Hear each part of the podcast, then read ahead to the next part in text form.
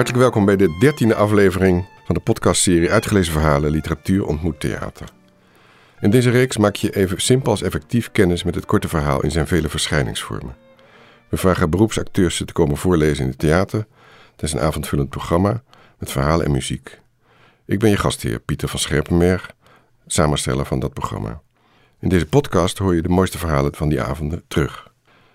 Je krijgt zo meteen het verhaal te horen van schrijver Rob van Essen, die dit jaar de Librisprijs won met zijn roman De Goede Zoon. Uitermate boeiende en komisch, deels science fiction roman. We putten uit een ouder werk van hem, bundel Hier wonen ook mensen uit 2014, dat de eerste Biesheuvelprijs won in het jaar daarna. Ik was bij die heugelijke avond en heb hem toen al kunnen feliciteren. Je hoort het verhaal De Amerikanen, uit genoemde bundel, vertolkt door de acteur Job Reumer, opgenomen in onze Moederdag-editie in mei 2018. Nadat je het verhaal hebt kunnen luisteren, spreek ik met de auteur, die gelukkig al klaar zit in de studio. Ik ben heel blij dat je bent, Rob. Eh, dan nu een publiciteitsmoment, want de meeste van jullie luisteraars blijkt af te haken als gauw het interview voorbij is. Zien we aan de statistieken. Op dinsdag 3 december 2019 is onze tweede voorstelling van dit seizoen. Acteurs en thema zijn bekend. Rasperformer Diederik van Vleuten, actrices Carla Hardy en Molly van Scherpenberg komen voorlezen. Hey, we kennen de achternaam die laatste. Dat moet nepotisme zijn. En dat is het ook. Mijn dochter heeft een prachtige stem en dito verschijning, dus ik kon niet om haar heen. Als je dan ook nog hoort dat de twee kinderen van genoemde Carla Hardy muziek komen spelen, dient het thema zich als vanzelf aan. Familie, natuurlijk. En tot slot van dit publiciteitsblokje vraag ik je je iets voor te nemen na afloop van het beluisteren van deze podcast. Als je geniet van deze aflevering, deel dan lekker vijf sterren uit in iTunes of overwin jezelf en schrijf een aanbeveling. Dan duwt de software ons omhoog in de vaart der podcasts en vinden meer liefhebbers, zoals jij dit programma. Zeg nou zelf, dat gun je toch wel? Terug naar deze aflevering. Acteur Job Reumer studeerde in 2014 af aan de Amsterdamse Toneelschool en Kleinkunstacademie. Hij speelde in verschillende toneelstukken zoals De Oresteia met Noord-Nederlands Toneel, De Avonden in Nieuw, van Nieuw-West en Drie Zusters van Stichting Moskou in een bewerking van zijn hand. Daarnaast speelde hij ook in zelfgeschreven voorstellingen zoals Gentleman en Radio Nimmerdal. De romans en verhalen van Rob van Essen worden alom geprezen. Zijn werk stond op shortlist van verschillende prestigieuze prijzen en werd ook gelauwerd, zoals ik net al zei. Hij werd altijd een writers writer genoemd door sommigen, maar die status is al ruimschoots ontgroeid. Uh, hij behoort tot de beste schrijvers van het Nederlands taalgebied. Hij is een meester in het verdraaien van de werkelijkheid met als gevolg dat we ons bestaan scherper waarnemen. Dank aan de website van Atlas Contact voor deze tekst. Oh, ik ben het er overigens wel mee eens, dan zou ik het niet uh, inlassen. okay. um, straks hoor je meer over dit alles, maar luister nu eerst naar de Amerikanen uit de bundel Hier wonen ook mensen, voorgelezen door Job Reumer. Beneden geeft zijn moeder pianoles. Jarenlang heeft hij bij deze haperende achtergrondmuziek zijn huiswerk gemaakt. En er lijkt niets veranderd. De klanken zijn nog dezelfde als twintig jaar geleden, net als de melodiefragmenten. In pianoles zit blijkbaar geen ontwikkeling meer. De evolutie is voltooid. In ieder geval bij zijn moeder. Hij loopt naar het raam en kijkt naar de achtertuin. Gisteren zag hij daar een tuinman aan het werk en hij kreeg het idee dat hij terug was gereisd in de tijd, naar een wereld waarin mensen tuinlieden hebben. Hij is natuurlijk ook terug in de tijd gereisd. Hij staat in zijn oude jongenskamer. Er is weinig veranderd. Alleen heeft iemand na zijn vertrek alle posters van de muur gehaald. Er wordt op de deur geklopt en pas wanneer hij de stem van zijn moeder zijn naam hoort uitspreken, beseft hij dat het pianospel beneden is opgehouden en dat hij de voordeur achter de laatste leerling heeft horen dichtvallen. Hij keert zich om en roept: Ja. De deur gaat open. Zijn moeder stapt naar binnen. We gaan zo eten, Edward. Over een half uurtje. Nadat ze haar blik door de kamer heeft laten dwalen, kijkt ze hem aan. Heb je Sabrina nog gesproken? Het is geen vraag, maar een uiting van een verlangen. Ze wil dat hij contact met Sabrina heeft. Dat ze het oplossen. Dat er een eind komt aan de status quo. Dat is ongetwijfeld de term die ze gebruikt wanneer ze het hier met anderen over heeft. Status quo. Wat ze eigenlijk bedoelt, ik wil dat er een eind komt aan jouw verblijf hier. Voor je eigen bestwil, zou ze erbij zeggen. Hij glimlacht bij de gedachte. Als ze een reden kon verzinnen om deze kamer op te eisen, dan zou ze het doen. Maar het zou haar nog moeilijk genoeg vallen om iets te bedenken. Logies, ja, er zijn genoeg andere kamers. En bovendien, gasten die langer dan een dag blijven, brengt ze onder in een hotel in de buurt. Hij heeft er altijd erg om bewonderd. Hoe zei ze dat nou ook alweer? Als ze de prijs van de overnachting er niet voor over hebben, dan kunnen ze beter thuis blijven. Ik vroeg je iets, zegt zijn moeder. Sta er niet zo vaag te kijken. Edward, zo'n moeilijke vraag was het nou ook weer niet. Goed dan. Nee, ik heb Sabrina niet gebeld. Het is nog waar ook, als je het over de afgelopen paar uur hebt tenminste. Zijn moeder knikt, langzaam en gelaten, en hij vangt de onuitgesproken boodschap op die ze de afgelopen dagen voortdurend heeft uitgezonden. Wij gingen niet naar onze ouders om weer op onze oude kamers te slapen wanneer het even tegen zat in onze relatie. Wij losten dat zelf op. Ik heb geen geld voor een hotel, mam. Dat is alles. En heb je dan geen vrienden die je onderdak kunnen verlenen? Weet jij hoe klein iedereen woont tegenwoordig? Niemand heeft meer logeerkamers. En al die mensen hebben dan ook nog eens kinderen. Die kunnen mij er helemaal niet bij hebben. Precies. Die hebben kinderen.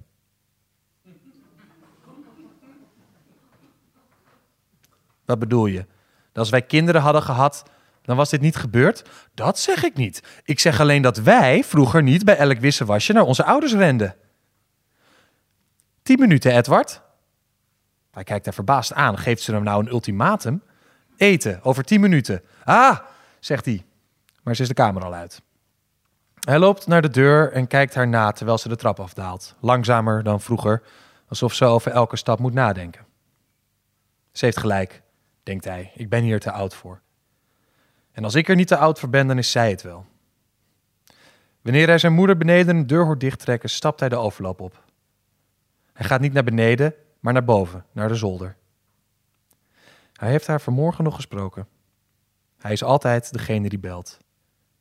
Haar stem is veranderd. Sabrina klinkt alsof ze alle belangstelling heeft verloren. Alsof het al voorbij was voordat het voorbij was.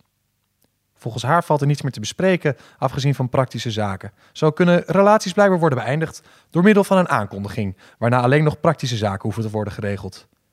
En wat wil je dat ik zeg? De rek is eruit. Het is weg. Het is weg. Alsof er in een relatie behalve van twee partners ook nog sprake is van een derde element dat opeens spoorloos is. Nou, dat moet dan het element zijn dat ervoor zorgde dat ze elkaar begrepen, want nu is het net alsof hij haar niet meer kan volgen. Alsof ze zomaar wat zegt in een taal die hij wel verstaat, maar niet kent. Het is geen prettige taal. Ze praat niet meer. Ze doet mededelingen. Hij heeft die mededelingen aangevochten. Maar ze heeft gelijk. Er is iets verdwenen. Dat weet hij ook wel. Had ze dat nou maar gezegd, dat weet jij ook wel. Dat zou betekenen dat ze tenminste nog het idee heeft dat ze dit met z'n tweeën moeten doen. Dat hij hier nog steeds een rol in speelt. Maar ze opereert alleen en misschien verbaast dat hem nog wel het meest. Ze doet alsof dit een project van haarzelf is waarbij hij de rol speelt van een toeschouwer, die niet meer dan de meest sumiere mededeling verdient. En omdat zij alleen opereert, is hij ook op zichzelf aangewezen. Ze vraagt nooit hoe het met hem is. Er is één ding dat ze wil weten: waar hij zit. Zeker bij je ouders, vroeg ze verleden week. Hij ontkende het en nu blijft ze vragen waar hij slaapt. Hij heeft een zomerhuisje verzonnen waar hij gratis in mag. Het is van een collega. Welke collega dan? Die ken je niet. Hij opent het zolderraam en stapt het dak op. En dit is dan hoe het begon. Hier, op het dak, toen we nog tieners waren, mompelt hij. Maar het idee van een met hem mee naar buiten klimmende cameraploeg verwerpt hij weer meteen. Wel is dit inderdaad de manier waarop het ooit begon. Uit het raam, naar beneden over de dakpannen, zijn voeten in de brede goot, zijn oude observatiepost.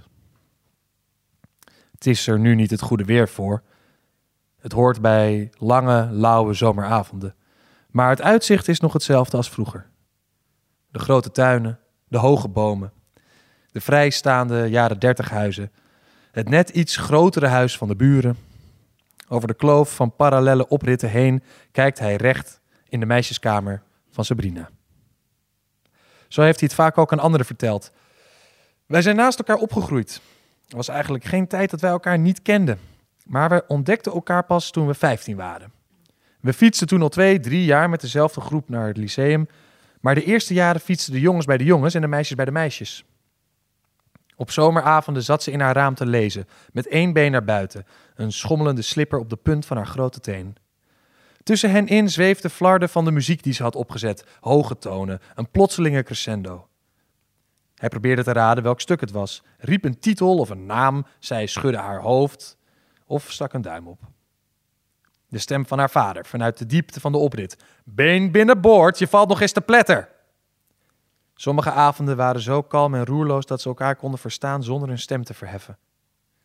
Op andere avonden luisterde hij terwijl ze viool oefende. In haar kamer zag hij de punt van haar strijkstok heen en weer schieten.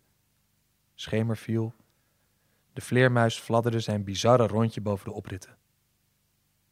Toen ze eenmaal echt met elkaar gingen, zaten ze niet meer urenlang over de kloof van de opritten met elkaar te praten. Of zomaar een beetje niets te doen. Want waarom zou je zoveel afstand bewaren? Soms miste hij dat. De mooie, vredige tijd voordat het echt begon. De kloof is breder geworden, alsof de huizen verder van elkaar afstaan dan vroeger. Sommige bomen zijn verdwenen, andere zijn groter en ouder geworden. Toch voelt het vertrouwd. Hij zit op het dak. Hij kijkt naar Sabrina's raam. Hij ziet haar in haar kamer rondlopen en dat lijkt zo logisch dat de verbazing pas na een paar seconden toeslaat. Ze loopt heen en weer in een beige broek en een zwart vest. Ze hangt iets in een kast. Hij ziet haar hoofd alleen wanneer ze zich voorover buigt om iets van het bed te pakken, een stapeltje kleren uit een opengeslagen koffer. Zo te zien trekt ze bij haar ouders in. Waarom is ze niet thuis? Om discussies te vermijden, had hij meteen aangeboden ergens anders onderdak te zoeken. Nee, ik ga wel. Blijf jij voorlopig maar hier. Hij had er zelfs de auto gelaten omdat ze s'avonds haar koor had en haar yoga. Hij ziet hoe ze een volgend stapeltje kleren uit haar koffer haalt en denkt: ze kan het niet. Het huis is te groot voor haar. Er zwerven te veel herinneringen rond. Ze kan niet in ons bed slapen. Sabrina klapt de koffer dicht en vertrekt uit haar kamer.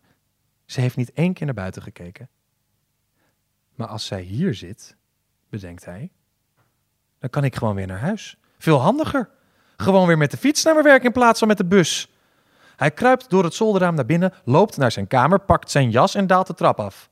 De deur naar de huiskamer staat open. Zijn vader zit de krant te lezen, net als vroeger. Maar toen was de krant groter. In de tussenliggende jaren zijn alle kranten op tabloidformaat overgegaan. Waar vroeger een uitgevouwen krant hem helemaal verborg, zie je nu het kalende hoofd van de notaris in rusten. Je ziet hem lezen, ouder dan ooit, met neergestroken mondhoeken, alsof het nieuws slecht is. Zijn vader kijkt op, verward, alsof hij niet meer gewend is hem hier aan te treffen, en geeft hem eens ongelijk. Edward, zegt hij. Dag pap, zegt Edward, en hij loopt door naar de voordeur, het huis uit, naar de bushalte. Ik heb niets bij me, bedenkt hij als hij op de hoek staat. Hij hoeft ook niks bij zich te hebben. Hij vertrekt niet. Hij gaat naar huis. Zijn moeder vond het maar niets dat hij de afgelopen week met de bus naar zijn werk was gegaan. Bussen zijn voor anderen. Hij vraagt zich af of ze überhaupt wel eens in de bus gezeten heeft. Als er geen eerste klas bestond, zou ze de trein ook links laten liggen. De bus komt, hij stapt in. Het is de lijn waarmee ze vroeger naar het lyceum gingen wanneer het slecht weer was. De bussen zijn ondertussen een paar generaties verder. Deze heeft camera's en informatieschermen en een bandje met een vrouwenstem die de haltes aankondigt. De volgende halte is Asialaan, met een korte pauze voor de naam van de halte. Een warme, maar onpersoonlijke stem. Je hoeft je geen illusies te maken. Als het haar werd gevraagd, zou ze op dezelfde toon je doodvonnis voorlezen. Moet papa jullie anders even met de auto naar school brengen? Zelfs toen had ze al iets tegen bussen gehad.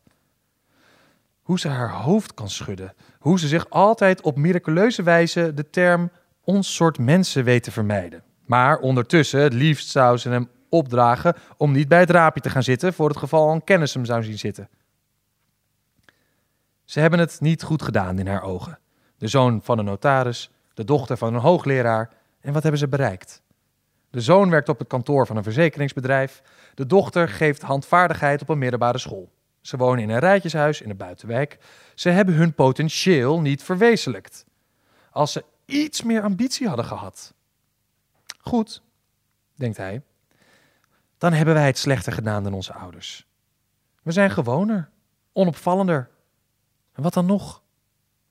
Van mij had het nog jaren mogen doorgaan. We hadden ons werk, we hadden onze vakanties. We dachten over een kind. Hoe spectaculair is het leven van een notaris of een hoogleraar nu helemaal?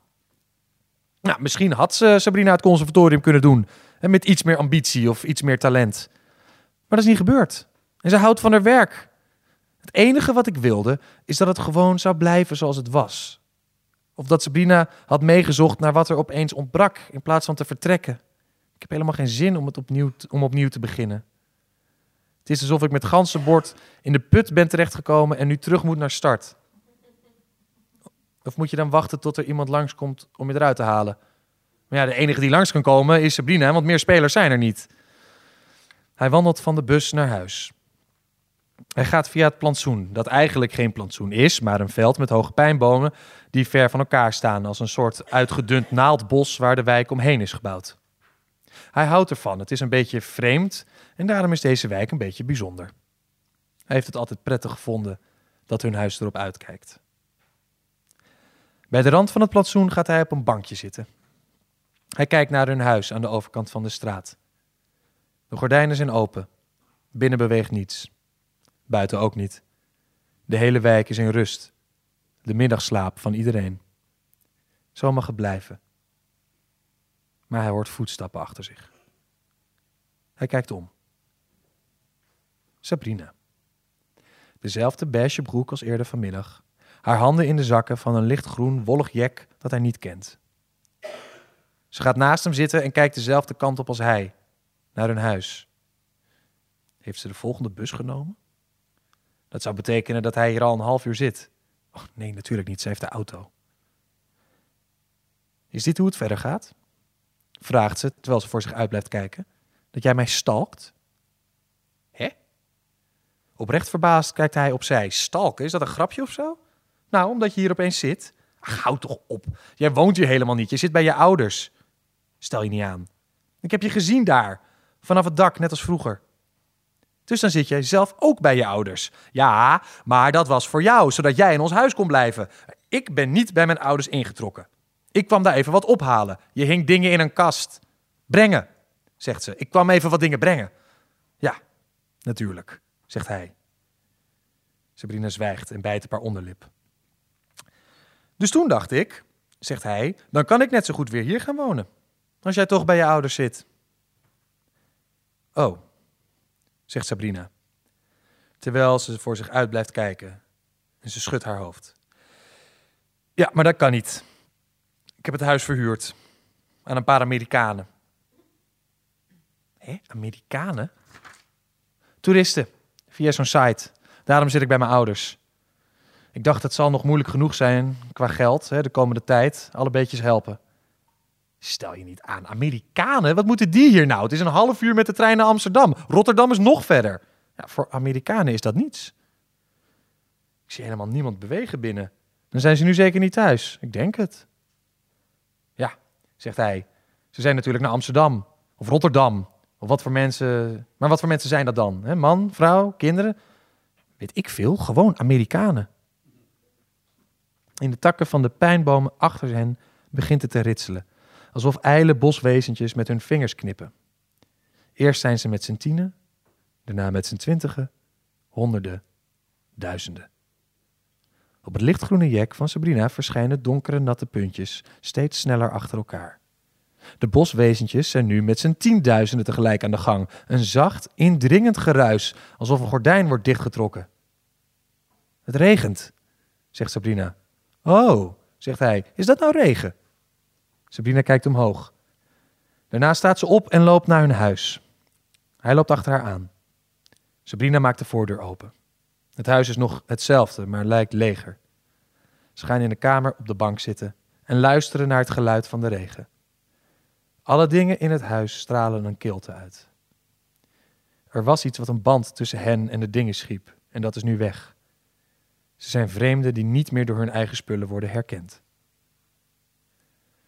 Groot gelijk dat ze hier niet is gebleven, denkt hij. Wij horen hier niet meer. Buiten regent het nog steeds, rustig en kalm. Regen die alle tijd heeft. Hij krijgt het koud. Maar dat komt ook omdat de verwarming niet aanstaat. Naast hem ligt de afstandsbediening. Hij pakt hem op en richt hem op de tv. Na twee kanalen stuit hij op een snoekerwedstrijd. Sabrina staat op, trekt haar jek uit en zet de thermostaat hoger. En wat zeggen wij straks tegen de Amerikanen? vraagt hij. Sabrina gaat naast hem zitten en haalt haar schouders op. Gewoon, zegt ze. Hello. How are you? How was your day?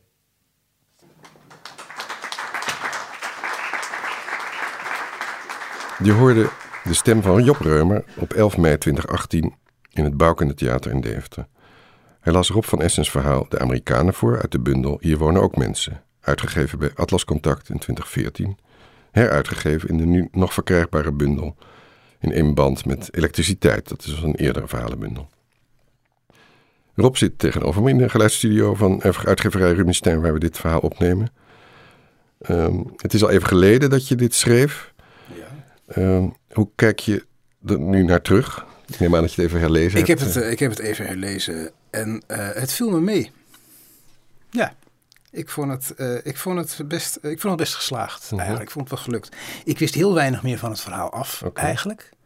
Um, dus de sfeer wist je misschien Ik wist, ik wist ja. de sfeer. Ik kon me nog een paar scènes, uh, scènes herinneren en ik, ik, wist hoe het eindigde. Maar het, uh, uh, ja, het viel me mee. Ik dacht altijd, dit is eigenlijk een van de minst zichtbare verhalen van die bundel geweest okay. eigenlijk.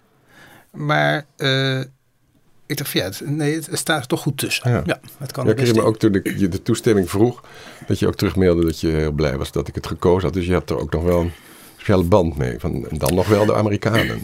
Ja, ja nou, er zijn, er zijn een paar verhalen die steeds terugkomen en die steeds genoemd worden in deze bundel. Ja. Uh, het zijn meer de langere verhalen eigenlijk. Uh, of het hele korte verhaal waarmee begint Richard Dawkins kreeg bezoek van God. Die wordt uh, vaak genoemd. Het huis aan de Amstel. -huh. En de titelverhaal, hier wonen ook mensen. En het verhaal over die roeimeisjes. Dat, is, eigenlijk dat, de, dat is eigenlijk het verhaal. Die verhalen die vaak genoemd worden. En deze, en deze, wordt, deze wordt weinig genoemd. Dus het is mooi was, dat hij even was blij met de keuze. Ja, dat je ook voor, voor mij zelf even werd opgediept. Het vergeetpunt, ja. En verbaast het je dat het thema van de, de verhalenavond Moederdag was? Dat hierin gekozen Ja, nee, dat kon ik me voorstellen. Toen ik het... Um, toen ik het las, dacht ik, oh ja, natuurlijk. Want het gaat natuurlijk, eh, zeker in het begin, gaat het heel erg over de relatie tussen die, die zoon, die jongen en zijn moeder. Ja. Uh, door een paar kleine scènes als het, krijg je, als het goed is, wel een beeld van hoe die jongen daar ja. is opgegroeid. Uh, ja, want hij moet achter, wat... achter in de dertig zijn dat hij even thuis komt wonen. Hè? Ja, dat is een ja. hele rare situatie. Ja, ja en die moeder ziet het ook helemaal niet zitten. Die, die, vindt, die vindt hem eigenlijk ook een beetje een slappeling. Want Vroeger deden ze dat niet. Precies. Dat is eigenlijk haar argument. En die, ze was eigenlijk wel blij dat hij, dat, dat hij het huis uit was, dat ze weer een eigen leven had waarschijnlijk. En dan komt hij weer terug. Ja, dat doe je niet als volwassen man. Die vader die nog steeds schrikt als hij weer beneden komt. Ja, zo, ja. ja die is een totaal bijna vergeten misschien zelfs. Ja. ja. Um, ik hoorde, of je vertelde me toen ik je eerder sprak, dat je uitgever zijn auteurs ook tegenwoordig traint in het voorlezen. Wat moet ik me daarmee voorstellen? Krijg je dan een coach naast je die. Uh, nee, nee. Of, dat, heb je het nog nee, niet ondergaan? Nee, nee, nee. Um, dat is nog niet, dat is niet gebeurd. Okay. Dat was ook, ik sprak de wens uit dat ze dat zouden moeten doen. Ah. Dat was het. Ik, vond, ik vind dat, dat uitgevers dat, ja. dat zouden moeten doen. Ja, ik, ik heb het mezelf uh, uh, aangeleerd in de loop der uh -huh. jaren. Eigenlijk, want toen ik voor het eerst voorlas, dat ging eigenlijk helemaal niet goed. Ik dacht van, wat, wat doe ik hier fout? En toen ben ik gewoon zelf hardop gaan voorlezen. En heb ik ook gewoon, als ik iets moet voorlezen, uh, voorbereid. Uh, met, met, met rood potlood, zet dan kleine accentjes ja. of streepjes waar het uh, vaak misgaat. Of, en waar ik moet pauzeren en waar het langzaam moet. Of waar ik net een beetje omhoog moet of een beetje omlaag. dus ik, ik, ik bereid dat voor. En ik print het ook meestal uit. Als ik, want vaak is de belichting heel slecht als je moet voorlezen. Dus dan print ik het uit een duidelijk leesbare letter. En dan, dan ben ik goed voorbereid. Goed. Weet je nog hoe het idee achter dit verhaal is ontstaan? Een stel dat uit elkaar gaat en dan beide terug naar elkaar ouderlijk huis gaat, is eigenlijk de grote lijn. Ja, um, ik, uh, voor zover ik me kan herinneren, ben ik begonnen met, die, uh, met een scène die in mijn hoofd opkwam. En zo beginnen mijn verhalen meestal. Ik, een romans eigenlijk ook. Ik heb een situatie waarin ik een personage of een aantal personages plaats. En uh, zonder dat ik nog weet hoe het eigenlijk uh, afloopt. En hier was dat die scène van jongen zit weer op zijn oude jongenskamertje en ziet dan zijn oude, zijn vroegere buurmeisje ook in haar kamer weer uh, bezig. En dan denk ik, ah, die twee hebben ooit iets gehad en die zijn dan het huis uit. Hoe komen ze dan daar weer terecht? En zo is het gaan groeien. En ik hou ook heel erg van dat soort uh, buitenwijken met van die grote jaren dertig huizen, weet je, van die ruisende bomen en zo. En zij, dat is eigenlijk een soort paradijs voor hen tweeën geweest. En ze zijn zelf in een rijtjeshuis terechtgekomen. Hebben niet echt de, de verwachtingen van hun ouders ja. vervuld en zo. Dus ze, zijn uh, gedegradeerd, zeker in de mhm. ogen van die ouders. Maar zelf, die jongen is er altijd wel tevreden mee gebleven. Ja. Dat vind ik ook mooi om te zien, te lezen, ja. Je hebt nu acht romans en twee verhalenbundels geschreven, als ik goed heb geteld. en nog, nog wat memoires. Ja. Blijf je het korte verhaal trouw? Of is het, uh... Ik blijf het korte verhaal trouw. Uh, sterker nog, uh, het volgende boek van mij wat gaat verschijnen is een korte verhaal. Oh ja. Ja, nou eerst komt nu de roman Visser wordt heruitgegeven. -huh. En daarna komt volgend jaar, waarschijnlijk volgend najaar, een verhalenbundel. Dus ik blijf het korte verhaal zeker trouw. Heel goed. Ja, ik bedoel, of ik ook nog een romans ga schrijven, dat is maar de vraag. Maar het korte verhalen zal ik altijd blijven schrijven. Ik las op je blog het verhaal De Glazen Kamer. Komt dat er ook in? Uh, ja, dat komt er ook in. Leuk. Dat, uh, dat, dat gaat over uh, dat de, de verteller wordt uitgenodigd bij de koning en de koningin. op Eikenhorst. Op Eikenhorst dan nog. Ja, het is alweer een oud verhaal, want ze zijn inmiddels verhuisd natuurlijk. Ja. Want daar ontvingen ze ze nu en dan mensen uit, uit, uit, uit, de cultuur of mensen die mhm. een prijs hadden gekregen. En ik heb toen mijn blog geschreven, omdat ik de Biesheuvelprijs had gewonnen, dat ik nou uitgenodigd werd bij de koning en de koningin. Dat is een verhaal dat heel langzaam steeds absurder wordt. Ja. Maar een verbazingwekkend aantal lezers van mijn blog dachten dat het echt gebeurd was. Ja, precies. Daar, had ik, daar had ik ook een vraag over. Ben je zelf ooit te gast geweest? Ik ben nooit te gast okay, geweest. Dus nee, helemaal verzonnen. Ik heb het helemaal verzonnen. Ja. De kans dat ik nog uitgenodigd word is misschien nog iets kleiner ja. na, na, dit verhaal. Wat mooi. Ja. Want, ja, dat heeft dan ook te maken met dat iedereen benieuwd is hoe dat soort avonden gaan. Ja. En jij hebt het dus je verbeeld. Ja. Uh, ja. Terwijl je dus als lezer denkt, oeh, dit is even leuk. Kijk je in de keuken, want eigenlijk mag het ook niet. En je mag niet nee, nee, vertellen over wat er gebeurt. Je mag, je mag niet uit de school komen. Nou, ik kan het aanraden, mensen wachten niet op uh, uh, de bundel. Natuurlijk ga je die ook kopen, maar je kunt dit verhaal vast lezen op uh, Rob's blog. Reddend Zwemmen. Reddend Zwemmen heet die. Dat was naar je eerste boek genoemd. Naar mijn eerste boek, ja. ja. Toen even terug naar de bundel. Hier wonen ook mensen. De titel doet mij denken aan John Cheever's The Way Some People Live. Dat lijkt ja, een beetje hetzelfde. Ja. Je leest en recenseert ook Engelstalige literatuur. Is Cheever ook een inspiratiebron? Cheever is een grote inspiratiebron voor mij geweest. En ik denk dat je als je al mijn verhalen chronologisch achter elkaar legt, dat je kan zien wanneer ik Cheever echt ben gaan lezen. Want dat heeft oh. mij wel beïnvloed, uh, denk ik. Ook in mijn romans. Uh, ik heb van hem uh, een aantal dingen geleerd. En een van die dingen is dat je inderdaad de boel kan laten ontsporen, wat, jij mhm. ook, uh, wat je eerder ook uh, zei. Dat je gewoon een hele normale situatie kan nemen en dan gewoon om kan draaien of iets totaal onverwacht kan laten gebeuren. En hij is een meester in het beschrijven van het, het leven in, in, de voorsteden, in, in, de, in de blanke middenklasse van New York in de jaren 50. En dan al die feesten en drankovergoten bijeenkomsten. En dan opeens wordt er iemand doodgeschoten op zo'n feest bijvoorbeeld. En dan zit je als lezer ook te denken, hoe? En dan gaat het verhaal echt in een soort andere versnelling, eh, bijna in een andere wereld verder. En dat, is, dat zijn mooie effecten en daar streef ik ook wel naar. Gewoon een, verrassingseffect om de lezer bij de, en de schrijver ook zelf bij, de, bij de les te houden. En kijken wat er gebeurt als, je, als je zoiets beschrijft. Het is echt een soort... Ehm, ja, je bent aan het koordansen, opeens haal je eigen net weg. En dan moet je maar kijken, wat, uh, hoe gaat dit verhaal verder? Ja. Dat heb ik wel van hem geleerd. En zijn romans, die eigenlijk ook een soort aan, aan elkaar gelaste korte verhalen zijn, doet hij dat nog eigenlijk nog veel sterker. En uh, hij was uh, alcoholist en soms denk je ook, dit schreef hij terwijl hij niet nuchter was. Maar hij komt er toch vaak mee weg met de meest vreemde ja. verzinsels toch lijkt hij een beetje vergeten. Hè? Dus je hoort niet zoveel meer. Nou ja, in Amerika is hij nog, uh, zit hij echt wel in de kanon. Uh, maar in Nederland is volgens mij ook helemaal niets meer uh, van hem verkrijgbaar in vertaling. die verzamelde verhalen zijn volgens mij alleen maar antiquarisch te verkrijgen. Wat echt, wat echt zonde is, want hij is echt heel goed. En heb je andere, andere schrijvers als inspiratie? Uh, in het begin was het ook Carver natuurlijk. Maar dat, Carver was echt een invloed op alle Nederlandse korte verhalen schrijvers op een gegeven moment. Dus daar ben ik nu een beetje van, uh, van teruggekeerd. maar dit verhaal bij Amerikanen is ook wel een beetje beïnvloed door Carver, denk ik. Omdat uh, er is veel sfeer. En op zich gebeurt er niet veel, maar uit het verhaal, uit die weinige gebeurtenissen, kan je wel een hele wereld afleiden. Ja, dat is, dat is tussen die twee. De, precies, de relatie met die moeder tussen die twee. Ja. En die, dus dat, dat zit er allemaal in. Ja. Dat, is, dat is wel een beetje Carver. Ja. Maar op Carver ben ik een beetje uh, uitgekeken. Dat klinkt erg ondankbaar. maar omdat hij natuurlijk... Hij is eigenlijk een soort cliché geworden. En dat, is, dat is jammer.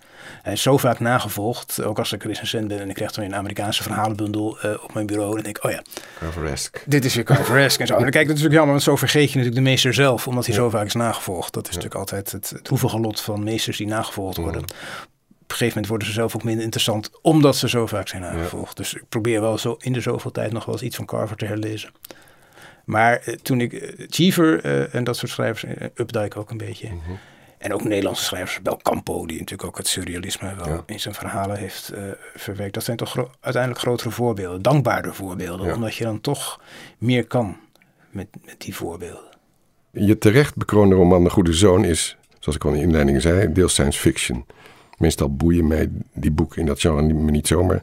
Doordat je zo dicht bij het heden beleeft. Het is allemaal voorstelbaar dat dit mm. over tien of twintig jaar zo zal zijn. En dat je vaak terugschakelde naar de jaren tachtig van de vorige eeuw. Bleef ik doorlezen. Um, voor zover ik weet, maar tot mijn schande heb ik niet al je werk gelezen. Is het de eerste keer dat je science fiction elementen verwerkt? Ja, ja, dit is wel de eerste keer dat ik echt een, een, een verhaal in, echt in de toekomst heb geplaatst. Uh En ook, uh, ja, kijk, je schrijft over de toekomst om iets over het heden te kunnen zeggen eigenlijk ook. Dus er zit een satirisch element in dat eh, science fiction gedeelte. Ik heb het boek uh, toen het af was wel autobiografische science fiction genoemd. Dat vond ik wel een mooie paradoxale uh, titel. Mijn uitgever wilde daar niet aan, want die zei uh, op het woord science fiction, uh, dan, dan heb je meteen, de boekhandels zeggen dan meteen nee. En dat, dat verkoopt in Nederland niet.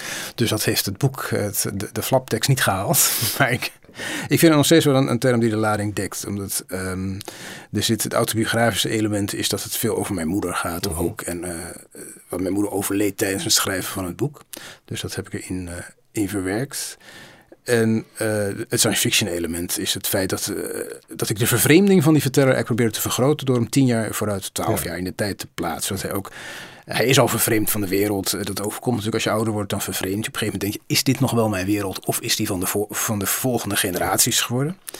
En uh, dat heb ik, die vervreemding heb, ik proberen te vergroten door het verhaal in de toekomst te plaatsen. En dan, uh, doordat, en er, komen, er zijn robots en er zijn apparaten die de verteller niet meer kent. En hij, hij worstelt zich er maar doorheen en ziet dat jongere mensen daar veel beter mee om kunnen gaan dan hij.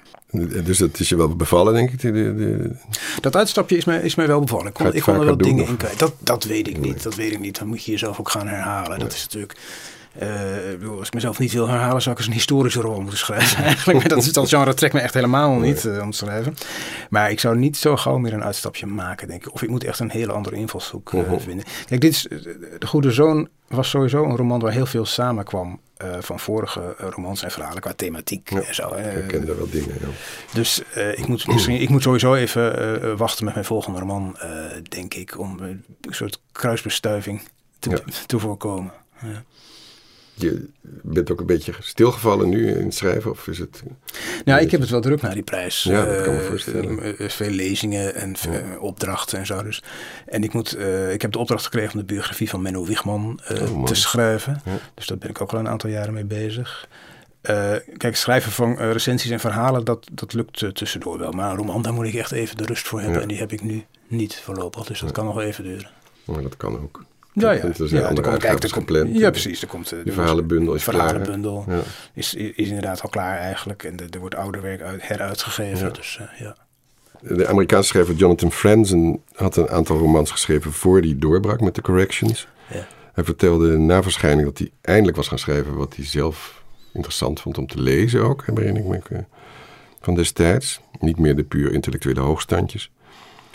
Jij hebt nu mede door de Liebesprijs veel succes met De Goede Zoon. Eh, heb je zelf het idee dat je een nieuw pad bent ingeslagen? Schrijf je anders dan hiervoor?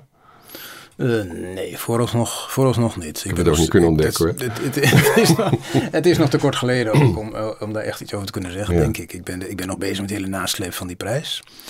Uh, dus ik weet niet of het, uh, of het mij zal bevrijden of juist zal belemmeren, dat weet ik niet. Ik kan me ook voorstellen dat, ik, dat de verwachtingen worden natuurlijk groter en hoger. En uh, dat moet ik dan niet uh, op mezelf gaan betrekken eigenlijk. Ik moet even komen zelfstandig uh, buiten blijven, de verwachtingen van anderen. Dus ik ben benieuwd hoe dat gaat. Ik kan me wel voorstellen dat je, je hebt, kijk, je hebt meer ruimte, je hebt meer bewegingsruimte mhm. ook door zo'n prijs, ook financieel voorlopig ja. even. Dus dat, dat, dat scheelt wel een hoop. Maar ik heb, altijd, ja, ik heb altijd wel kunnen schrijven en geschreven wat ik wilde. Mhm. Ik heb nooit gedacht, ik heb me nooit anders voorgedaan als schrijver dan ik ben volgens mij. Dus ik zal maar gewoon zo doorgaan, denk ik. Dat lijkt, me, dat lijkt me het beste recept. Ja, dat gaat heel erg goed. Ja, Hartstikke mooi. Nou, hartelijk dank voor het gesprek. Graag gedaan. Onze volgende podcastaflevering is op 1 december. Wat je dan te horen krijgt is een vroege Sinterklaas surprise. Deze aflevering is ondersteund door de gemeente Deventer. Aan deze aflevering werkte mee Rob van Essen, Job Reumer, Floor Minnaert voor de opname, Dirk-Jan van Ittersum voor de montage.